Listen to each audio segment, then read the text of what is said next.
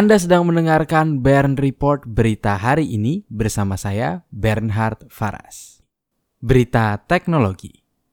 Berita pertama, mantan Deputi Gubernur BI Mirza Aditya Suara jadi Presiden Komisaris OVO. OVO menunjuk mantan Deputi Gubernur Senior Bank Indonesia atau yang biasa disebut BI, Mirza Aditya Suara sebagai Presiden Komisaris. Langkah ini dilakukan untuk memperkuat jajaran kepemimpinan OVO Mirza mengatakan dirinya berminat menjadi presiden komisaris karena punya minat yang besar di sektor ekonomi digital. Ia mengatakan, langkah yang bisa dilakukan setelah menjadi petinggi OVO adalah memperkuat koridor kehati-hatian pada bidang teknologi finansial. Berita kedua, OVO bisa dipakai bayar kuliah dan beri cashback. Universitas Negeri Yogyakarta bekerja sama dengan e-Channel Bank Tabungan Negara untuk menyediakan pembayaran kuliah berbasis digital. Biaya kuliah pada periode 2020-2021 bisa dibayar melalui Tokopedia dengan metode pembayaran OVO.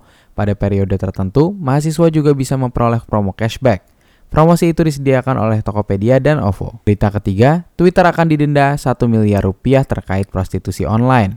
Kementerian Komunikasi dan Informasi menyebut Twitter bisa didenda sebesar 1 miliar rupiah jika platform tersebut marak digunakan untuk transaksi prostitusi online. Tak hanya denda, Twitter juga bisa dikenakan sanksi selama 6 tahun penjara seperti diatur dalam pasal 27 Undang-Undang Informasi dan Transaksi Elektronik. Twitter sendiri memastikan platform mereka sudah memiliki panduan dan kebijakan umum untuk menindak prostitusi online. Bahkan, mereka telah membuka akses kepada kepolisian dan instansi pemerintah lain untuk menindak kejahatan ini. Berita keempat, Grab uji coba taksi terbang di Asia Tenggara. Grab menggandeng perusahaan asal Jerman Volocopter untuk menguji coba layanan taksi terbang di Asia Tenggara. Volocopter menargetkan penerbangan komersial bisa dilakukan pada 2022.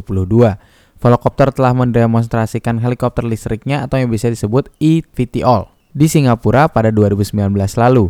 eVTOL juga sudah diuji coba terbang melewati Dubai, Helsinki, Las Vegas, dan Stuttgart. Berita kelima, Google menghentikan program Wi-Fi gratis di Indonesia.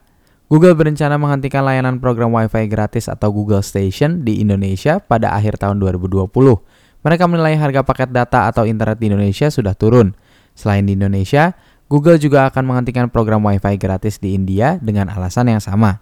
Seperti diketahui, program ini bertujuan untuk membantu penyedia jasa internet memiliki koneksi yang lebih cepat terutama di negara-negara yang koneksi internetnya terbatas seperti India, Indonesia, dan Meksiko. Berita ke-6, Oppo membuat prosesor sendiri susul Huawei dan Xiaomi.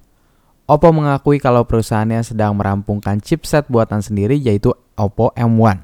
Namun, alih-alih digunakan sebagai chipset sendiri, M1 kabarnya akan digunakan untuk mendampingi chipset utama dalam rangka optimalisasi. Nantinya, Prosesor Oppo M1 yang tengah dikembangkan akan digunakan bersama dengan prosesor terbaru milik Qualcomm Snapdragon 865 untuk ponsel Find X2. Untuk teks dan sumber berita selengkapnya dapat Anda lihat di website www.bernhardfaras.com. Terima kasih sudah mendengarkan Bern Report berita hari ini. Jangan lupa untuk membagikan kanal ini kepada kerabat Anda, tekan tombol like dan subscribe untuk mendapatkan kabar terkini setiap pagi dari hari Senin hingga hari Jumat pada pukul 6.30 waktu Indonesia Barat. Saya Bernhard Faras pamit undur diri, semangat selalu dalam menjalani hari ini.